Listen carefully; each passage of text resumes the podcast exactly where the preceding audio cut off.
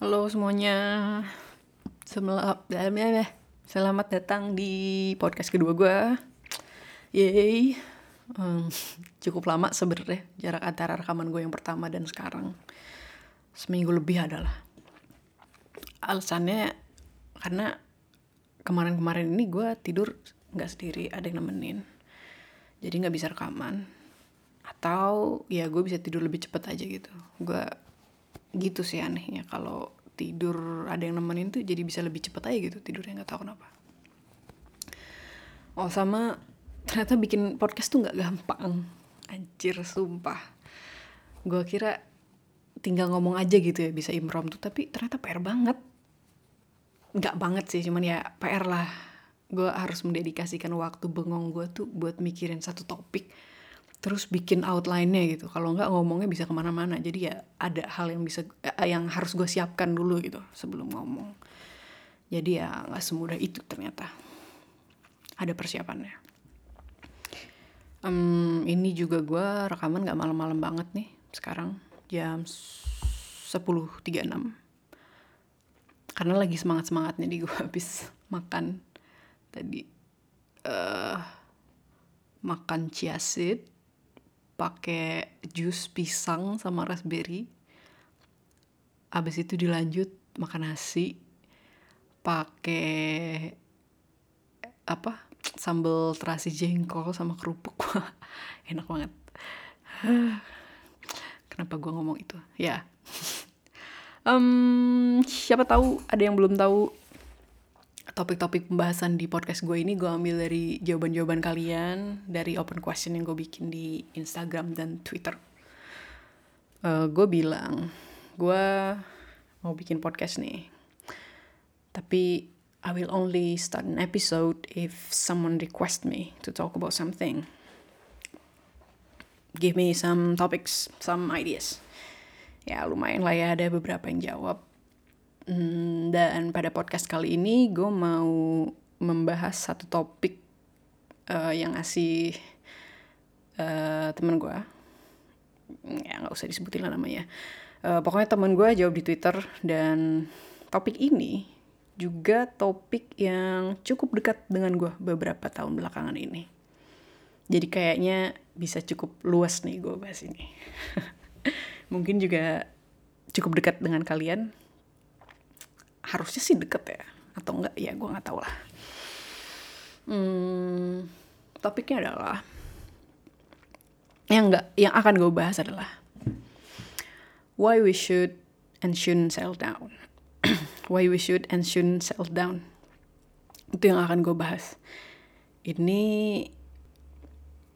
uh, sebelum podcast gue bikin outline-nya kan tadi gue bilang. Uh, apa aja yang akan gue bahas di dalam podcast ini jadi mending gue bacain aja kali ya biar kalian tahu apa apa aja yang akan gue omongin. Jadi kalau nggak tertarik ya nggak usah denger lah capek-capek buang waktu.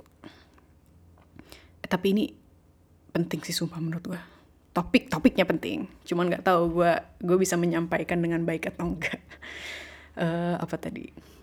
Outline-nya. Um, apa yang akan gue bahas dalam podcast ini? What does settling down mean? What is involved in settling down what is the actual practice of settling down, settling down, especially in Indonesia. Why we should and shouldn't settle down. Um, Sebenarnya teman gue nggak ngejelasin sih ini settle down di sini tuh konteksnya apa dan untuk apa uh, ya konteksnya apa gitu. Tapi sementara gue asumsikan konteksnya adalah uh, relationship atau romantic relationship with someone e, kalau ternyata maksudnya adalah sell down dalam konteks lain ya bilang aja siapa tahu mau denger gue nyeloteh tentang hal itu di lain podcast. Um, tadi gue bilang topik ini cukup dekat dengan gue beberapa tahun belakangan ini.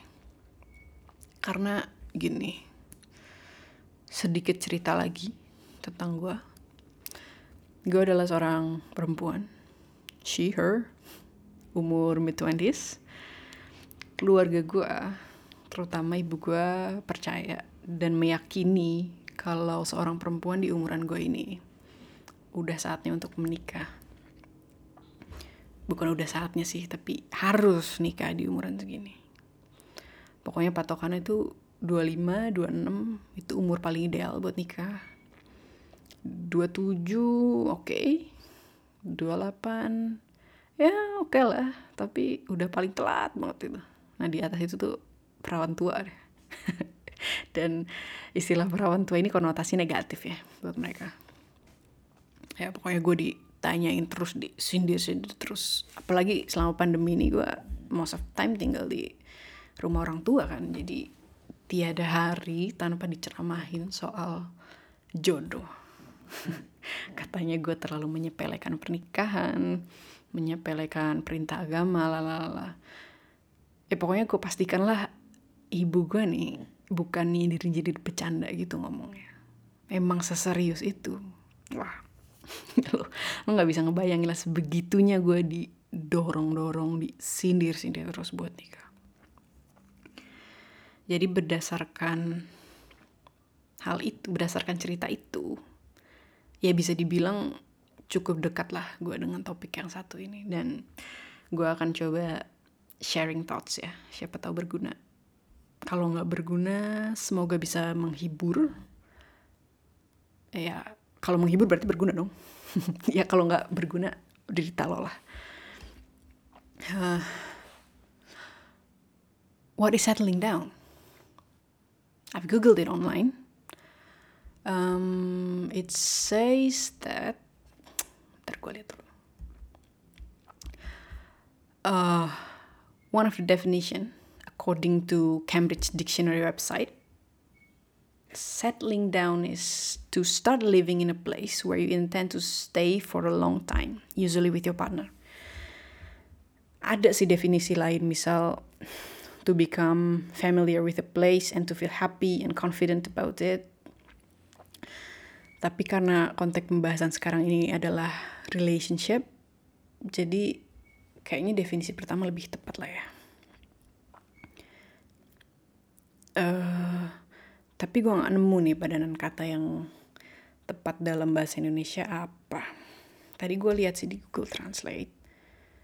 Uh, apa tuh tadi? Bentar. Hmm. Menurut Google Translate nih uh, settle down. Aduh, typo.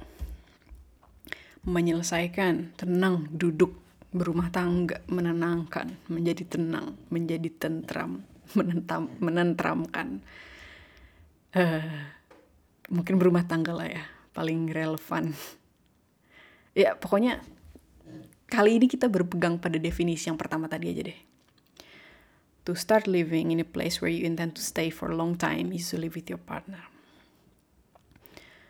uh, gue modifikasi dikit kali ya it doesn't necessarily have to be living in a place for a long time. Bisa juga to be committed with someone, to build a life together with someone, uh, memiliki sebuah committed relationship atau hubungan yang serius gitu ya. Dengan dasar atau tujuan untuk membangun dan menjalankan kehidupan bersama. Ya rumah tangga sih bener, berumah tangga uh, tapi berumah tangga kan belum tentu berarti nikah ya atau berkeluarga gitu beranak pinak ya itu tadilah membangun menjalankan kehidupan bersama ya jadi kalau lo pacaran dua kali seminggu gitu ketemunya sebulan sekali kalau lo mau ngedate izin dulu sama bokap lo uh, ya yeah, that might be a committed relationship. But you guys don't settle down yet. Settle down tuh mungkin gak harus tinggal bersama ya tapi keputusan-keputusan dalam hidup lo terutama keputusan-keputusan besar dan penting itu akan melibatkan pasangan lo karena keputusan yang lo ambil akan memengaruhi kehidupan lo bersama dan lo juga punya andil dan tanggung jawab atas kehidupan pasangan lo lo mau tinggal di mana mau beli rumah atau nyewa gitu harganya berapa pasangan lo tuh harus terlibat dalam pengambilan keputusan itu. Lo mau menghidupi hidup lo gimana, mengatur keuangan pribadi gimana, karir pekerjaan lo seperti apa, pasangan lo tuh harus terlibat. Ya memang kesannya uh, campur campur tangan banget gitu ya. Ya memang harus mencampuri itu urusan pasangan lo dan sebaliknya. Karena akan berdampak pada kehidupan bersama atau kehidupan rumah tangga kalian. Sekali lagi berumah tangga belum berarti menikah ya. Pokoknya settling down tuh urusan-urusannya uh, berkenaan dengan soal rumah lah household ya sebuah komitmen yang besar kalau pacaran kan bentuk komitmennya apa ya agreement gitu antara lo dan pasangan lo untuk gak terlibat dalam hubungan romantis dengan orang lain di luar kesepakatan, kesepakatan kalian. Kalau lo settle down, komitmennya naik level nih. Tanggung jawabnya juga lebih besar. Bukan cuma soal hubungan romantis, tapi juga soal keputusan-keputusan besar dan penting dalam hidup lo. Kemudian praktisnya gimana? Hmm, banyak, bervariasi. Tapi the most common practice adalah ya nikah, pernikahan. Hmm. Ini udah paling kuat banget sih dengan duh cegukan dengan lo nikah lo otomatis dipaksa dalam tanda kutip untuk menjalani dan membangun kehidupan lo bersama-sama. Kenapa gue bilang dipaksa? Karena dengan menikah komitmen lo tuh diikat oleh hukum. Hukum negara dan agama. Di Indonesia lo nikah harus sesuai agama ya. Sedangkan kalau lo memutuskan untuk settle down dengan pasangan lo tanpa menikah, bisa jadi dan kemungkinan besar itu terjadi karena keputusan kalian sendiri. Uh, gimana ya? Keputusan kalian yang diambil berdasarkan keinginan dan keinginan dan kesediaan bersama. Dengan perjanjian, condition, uh, yang kalian pilih sendiri caranya gitu tanpa ada keter keterlibatan pihak lain. Kalau menikah lo dipaksa tanda kutip untuk menjalani kehidupan rumah tangga kalian dengan cara, batasan dan tanggung jawab yang udah ditentukan oleh negara maupun agama gitu.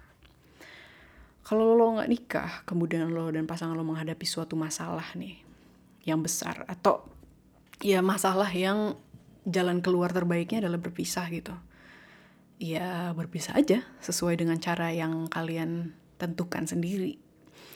Mau salaman cipika cipiki waving goodbye terus pisah gitu ya. Ya bisa aja.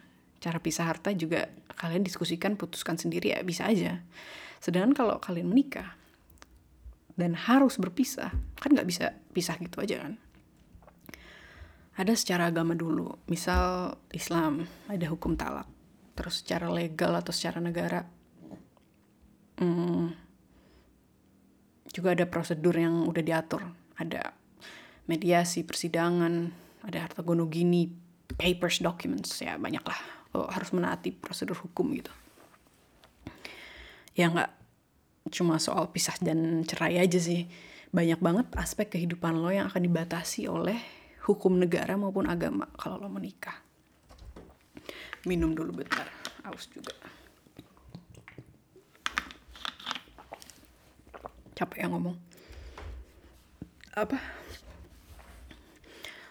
uh, ya banyak aspek kehidupan lo yang akan dibatasi gitu setelah lo nikah dibatasi oleh hukum negara maupun agama tapi uh, selain batasan-batasan itu juga banyak keuntungan ya kalau lo nikah banyak banget uh, menikah membuat hubungan lo itu diakui oleh negara. Artinya, aduh mau bersin lagi.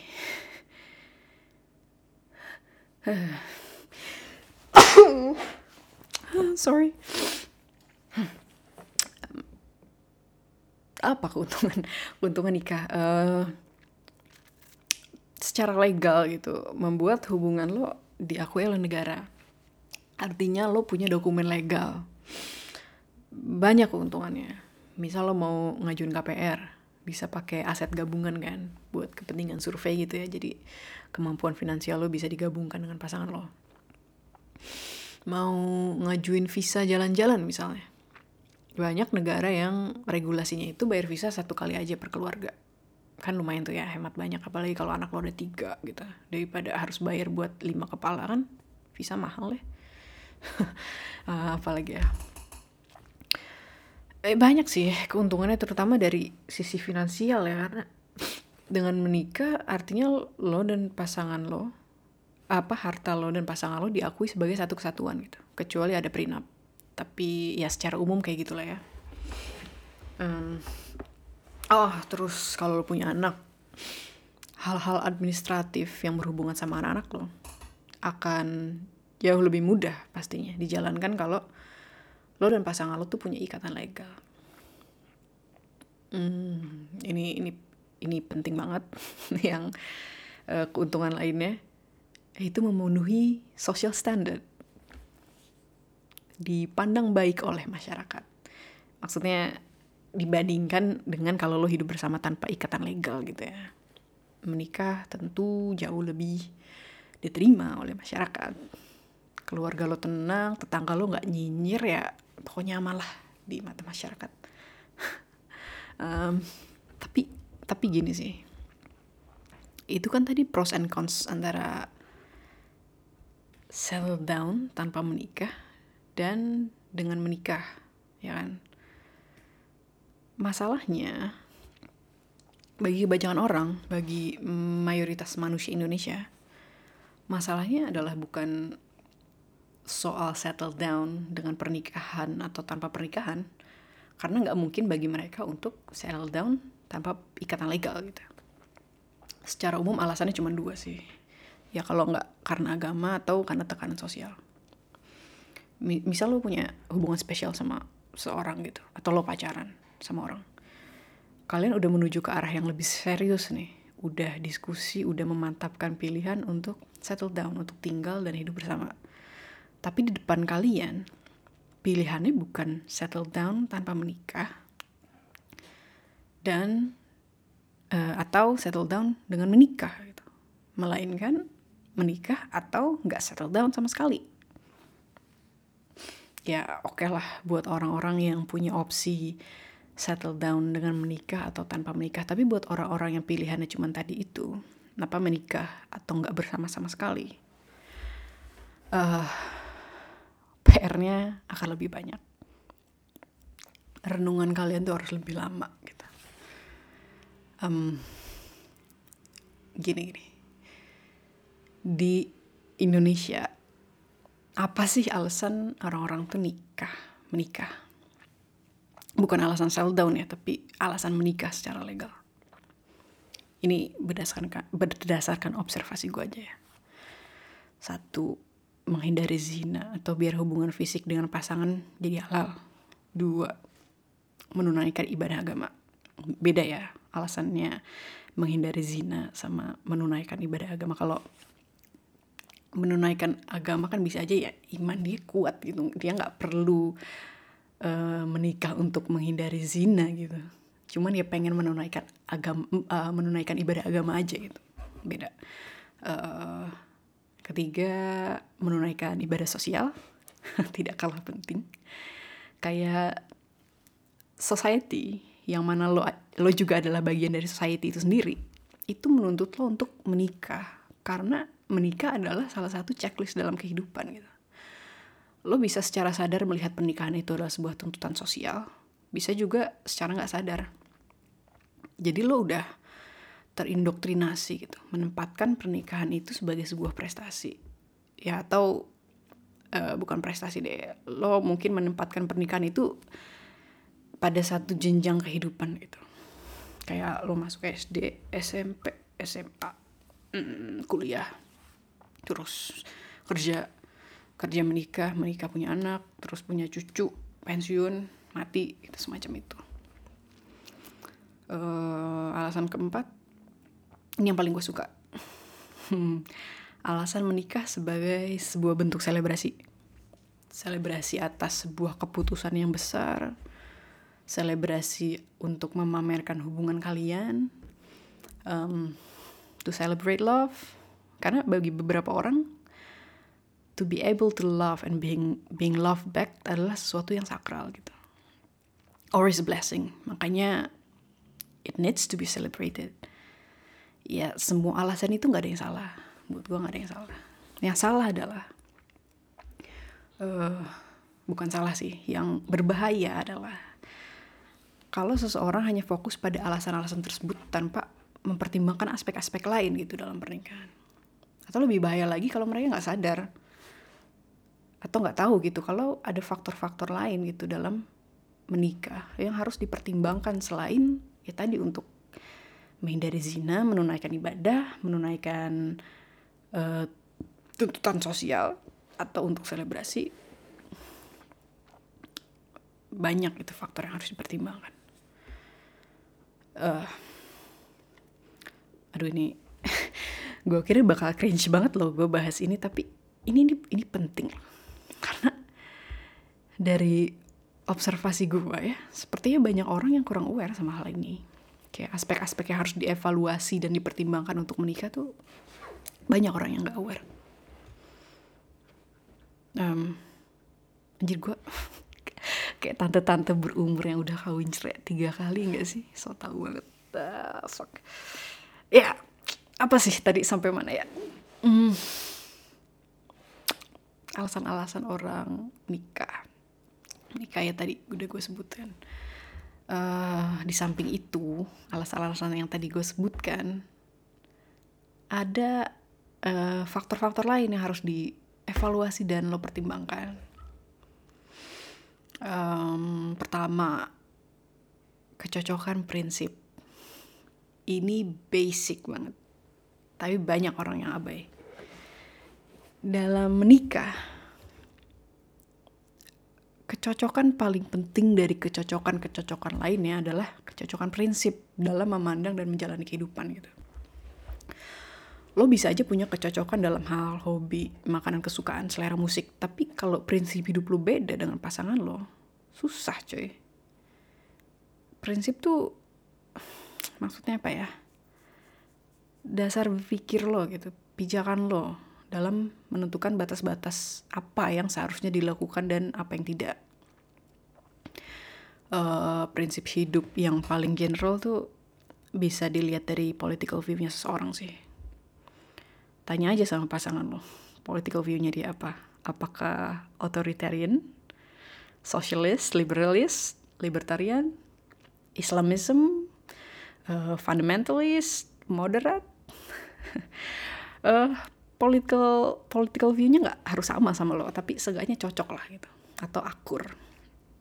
Bayangin lo seorang liberal nikah sama seorang authoritarian otoriter atau lo seorang Islam konservatif nikah sama seorang libertarian gitu. Nggak akan nyambung. Ya mungkin bisa bersama tapi pasti bakal capek ya. Gue ngebayanginnya aja capek kehidupan rumah tangga lo nggak akan tenang. Kalau lo setiap waktu harus berargumen soal prinsip.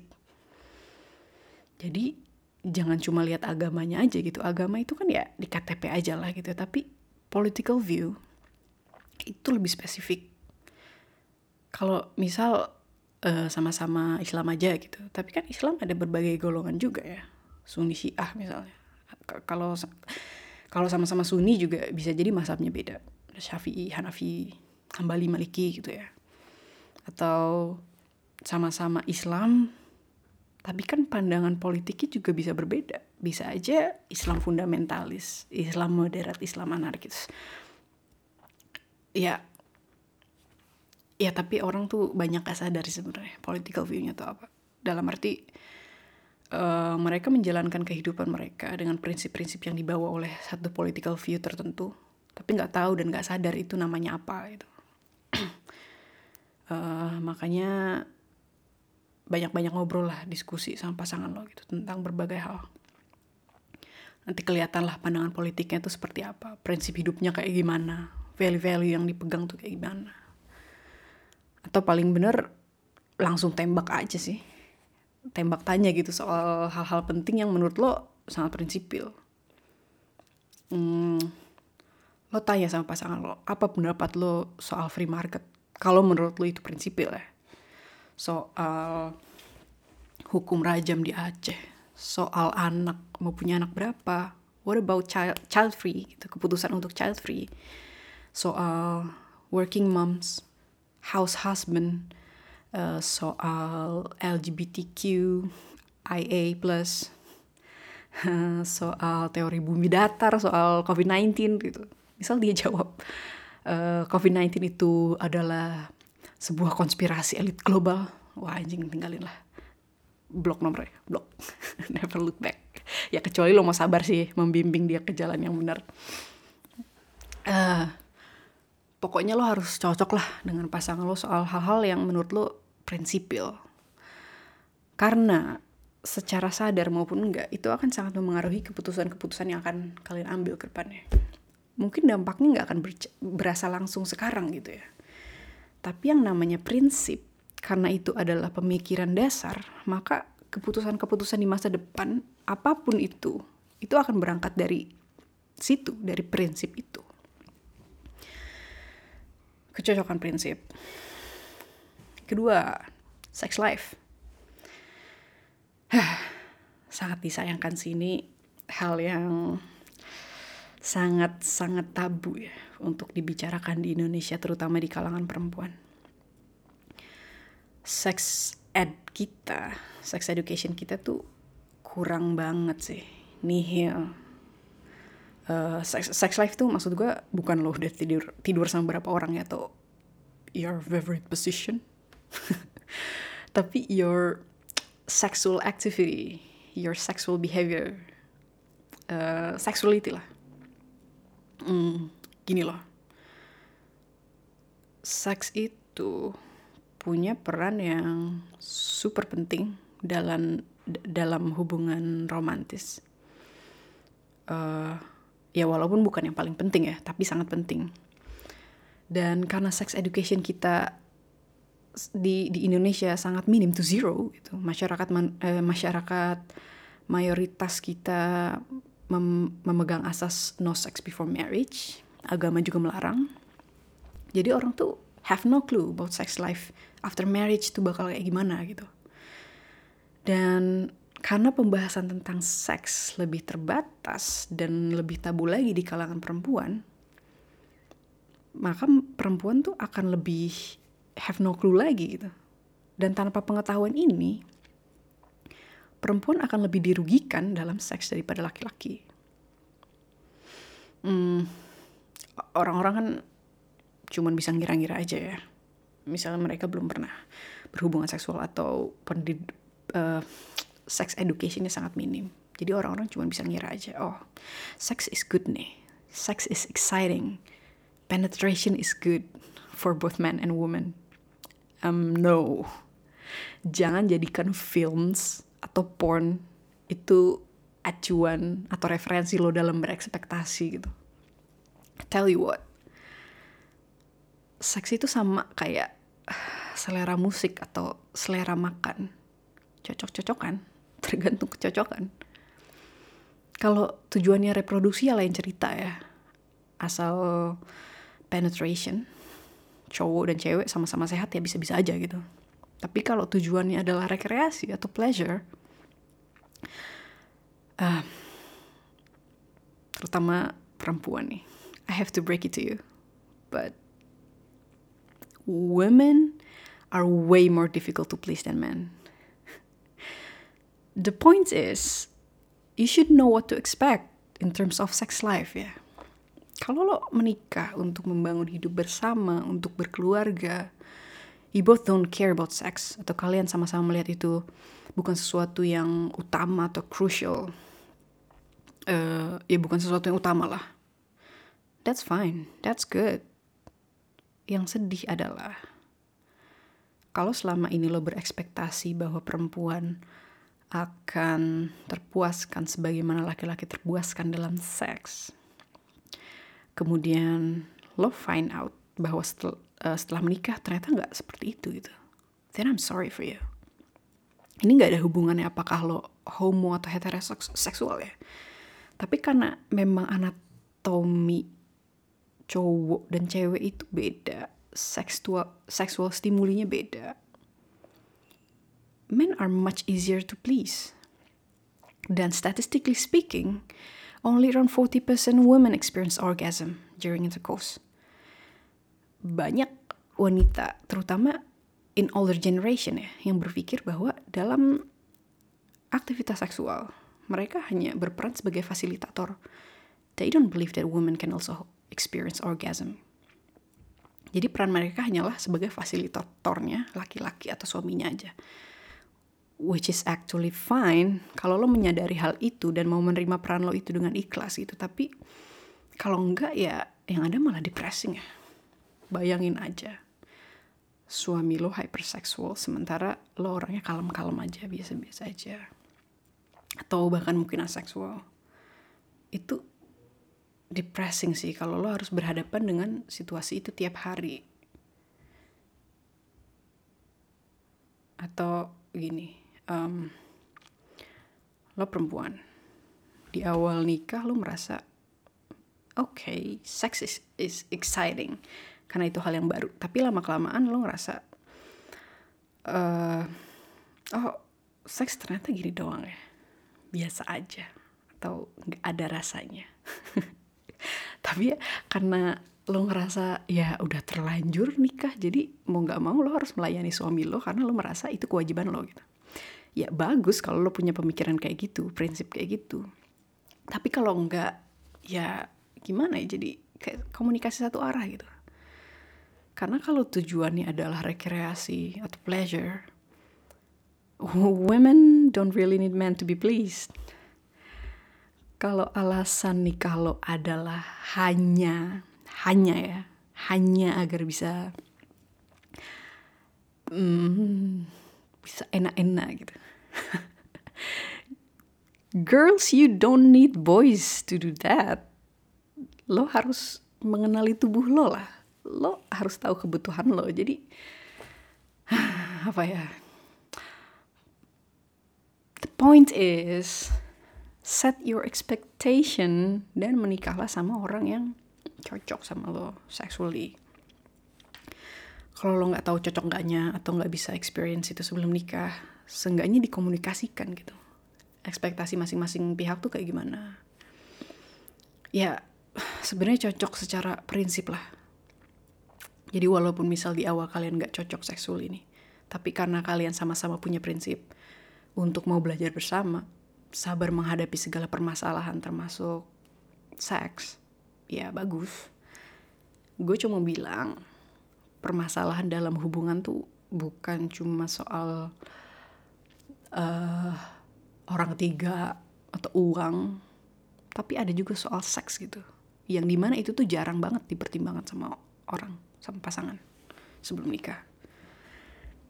Hmm, percaya deh ini tuh nggak kalah penting dari ngediskusiin rencana keuangan kalian. Uh, atau kalau tetap nggak mau mengkomunikasin ini sama pasangan ya ya mau gimana lagi terima aja lah. Bagaimanapun jadinya nanti. Sing ikhlas lah ya.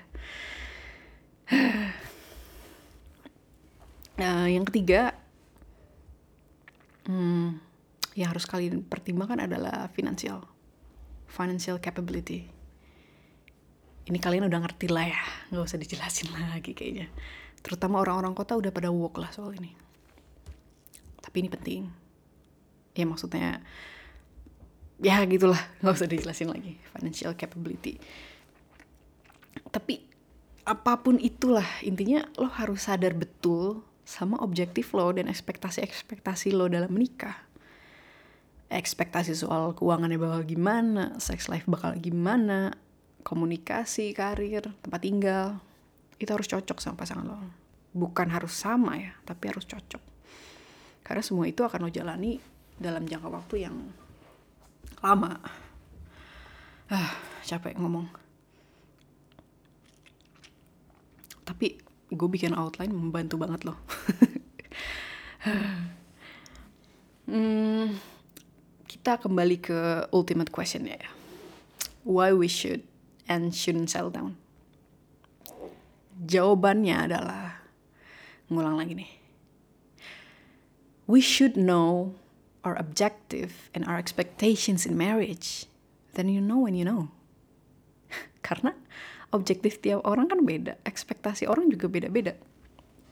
kalau pertimbangannya apa aja kan tadi udah gue jabarkan. Pokoknya be honest to yourself soal objektif dan ekspektasi kalian dalam menikah tuh apa gitu. Kalau tujuannya lo menikah untuk menunaikan ibadah agama you don't really care about sex then your partner has to be on the same page. Lo menikah dengan tujuan untuk kemudahan finansial. Dan ekspektasi lo adalah menjadi stay at home wife. Maka pasangan lo harus support itu. Harus bisa yang support harus yang bisa support itu kalau berekspektasi uh, sex life setelah menikah akan menjadi sesuatu yang exciting dan menyenangkan pasangan lo juga seenggaknya harus punya ekspektasi yang sama. Jadi kalau nantinya gak se-exciting itu seenggaknya kalian bisa belajar bareng gitu. Dan sabarlah buat sama-sama mempelajari itu gitu. Kalau lo menikah dengan ekspektasi biar ada temen yang bisa diajak jalan-jalan gitu backpacking keliling dunia selama dua tahun. Ya, jangan nikah sama PNS uh, uh, uh, terus ini sih jangan menjadikan hubungan orang lain itu sebagai acuan ya. Karena dari luar ya bisa aja kelihatan oh fun couple goals nih. Tapi kita kan nggak tahu dapurnya kayak gimana. So know yourself know your objectives your expectations hmm, terus baiknya sih kalau kalian bisa menempatkan settling down atau pernikahan itu sebagai sebuah pilihan atau voluntary actions bukan sebuah kewajiban atau tuntutan sosial. Mungkin kalian akan melihat pertanyaan why we should and shouldn't sell down itu akan lebih jernih tanpa bias dari pihak lain. Hmm, kalau nggak bisa ya, ya udahlah, nggak apa-apa. um, what about me? What's my view on this? Will I settle down? Do I want it? Uh, yes, yes, yes, yes, yes, yes, I do um, kalau menurut gue seintrovert introvertnya orang, sesoliter soliternya orang, seindependen apa pun dia, kayaknya manusia itu tetap makhluk sosial butuh temen ya. Hmm, makanya my idea of settling down is settling down with my best friend. Pasangan gue haruslah juga teman gue kalau ada orang yang harus bangun tiap hari di sebelah gue, sharing the bathroom, tiap hari ketemu, tiap hari ngobrol, makan bareng, jalan bareng, that would be my best friend. Orang yang nyambung and share the same value. Seru sih spending time uh, with right person gitu ya, daripada sendirian apalagi sendirian terus di hari tua gitu kan ya pokoknya kalau ada yang cocok bagus kalau nggak ada ya ya nggak usah dipaksain lah. Kalau gue ya, pokoknya kalau prinsip gue dalam committed relationship itu yang penting cocok lah. Share the same principles and value dan gak ada paksaan. Dan minimum drama oh ini juga penting sih. Uh, agak ke mana-mana cuman ini penting. Learn to say no susah sih. Ini gue juga masih belajar. Uh, jangan mengorbankan hidup lo. Karena lo nggak enakan buat say no. Toxic banget sih asli. Lo kalau menghadapi suatu pilihan dalam sebuah hubungan gitu ya lo harus bisa berpikir rasional. Jangan memutuskan sesuatu in name of love atas nama cinta bukan cinta itu nggak rasional tapi orang tuh suka salah mengartikan sesuatu sebagai bentuk cinta gitu. Kayak misal lo break up sama pasangan lo terus lo nangis kejar-kejar gitu begging pasangan lo buat nggak ninggalin lo karena lo cinta sama dia. That's not love that's possession that's possessive. Lo mau memiliki dia dan gak rela kalau pasangan lo pergi. Meskipun itu adalah hal yang terbaik buat dia. Posesif gak sih? Kalau nelpon pasangan lo ratusan kali buat nanyain kabar karena lo cinta no no no no. That's not love. That's obsession. That's freak. Atau kalau ada ibu mukulin anaknya gitu yang susah diatur wow dipukulin wow sakit. Karena susah diatur nih. Untuk ngasih pelajaran in the name of love that's not love. That's punishment tapi maksudnya bukan berarti seorang ibu nggak boleh menghukum anaknya sama sekali atau bukan berarti seseorang nggak boleh memohon pasangannya untuk nggak pergi ninggalin dia. Um, bukan berarti uh, lo nggak boleh nelponin pasangan lo pacar lo ratusan kali. Boleh nggak bolehnya hal-hal itu kan tergantung nilai-nilai yang lo pegang ya atau tergantung prinsip dan kesepakatan lah di sini gue cuman mau point out kalau hal-hal seperti obsession possession dan teman-teman itu suka disalahartikan sebagai love or the act of loving someone. Karena itu beda. Love is always a good thing. Love is always a positive thing. Kalau sesuatu hal menghasilkan dampak negatif pada lawannya that's not love. That's questionable. Ya gue nggak berbicara atas nama umat manusia sih that's just my perspective. Pokoknya if you love someone but turns out they don't love you back and will and will be better off without you. Let them go. It's sad it hurts but you know they'll be happier without you. And because you love them you'll be happy seeing them happy. That's love letting go of someone for the happiness, for the better good is love. love is always a good thing and is always a positive thing. Another essential life skill nih, saying no. Learn to say no. Kalau enggak, bakal toxic. Pengalaman, pengalaman pribadi. um, kalau gue gimana ya gue kalau lo jadi pasangan gue terus lo menemukan orang yang bisa membuat lo merasa lebih baik lebih happy atau ya mau break up aja with me karena lo merasa lebih baik sendiri gitu ya ya sok aja lah. Bukannya gue nggak cinta tapi ya mau gimana lagi? Itu kan yang terbaik buat lo kenapa gue larang-larang gitu? Ya asal diomongin dulu lah baik-baik. Lo mau cari alternatif lain cara lain bareng-bareng ayo. Kalau nggak mau juga ayo lah terserah. Yang penting terbaik buat lo aja. Because I love you man. I'll be fine. No hard feeling. Prinsip gue sih gitu. I don't know about you jadi kalau gue do I want to settle down? Yes, I'm in. Dengan yang cocok, dengan orang yang cocok pastinya. uh, marriage buat gue sendiri sih nggak necessary ya.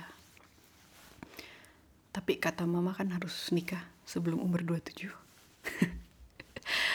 ah, jadi ya mungkin I don't know gak tau lah pusing. Dari tadi gue ngomongin settle down lah marriage ngasih petuah sosokan gue sendiri pusing.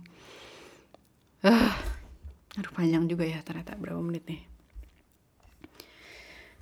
Hmm, segitu dulu deh kayaknya. Gue nggak tahu ini ke cover semua yang gue mau omongin atau enggak cuman karena gue udah seret tenggorokan jadi segitu dulu aja. Kalau ada yang kurang-kurang mungkin nanti gue kasih tambahan uh, episode. Kalau nggak males. Sebelum gue malah tambah curhat nih betapa udah ngebetnya ibu gue pengen anaknya satu ini nikah dan pengen punya cucu. Segitu dulu aja. Pokoknya pesan dari gue uh pesan. Pesan dari gue kalian harus punya pegangan kuat lah kalau mau ngambil keputusan yang besar macam ini. know your goals your objectives your expectations. Um, sampai ketemu kali. Ya sampai ketemu di podcast lainnya. Kalau gue nggak males dan masih ada yang mau dengerin makanya kasih feedback dong. DM gitu tam. Ya ini juga baru pertama kali dipublish ya pokoknya kasih feedback lah biar gue tahu apakah gue harus melanjutkan apakah enggak. Kalau gue lanjutkan harusnya kayak gimana? Walaupun gue menyadari ini berantakan banget ngasal banget. Cuman gue pengen pesannya tersampaikan sih sebenarnya. Yang paling penting itu. Ah uh, ya udah capek. Dadah selamat malam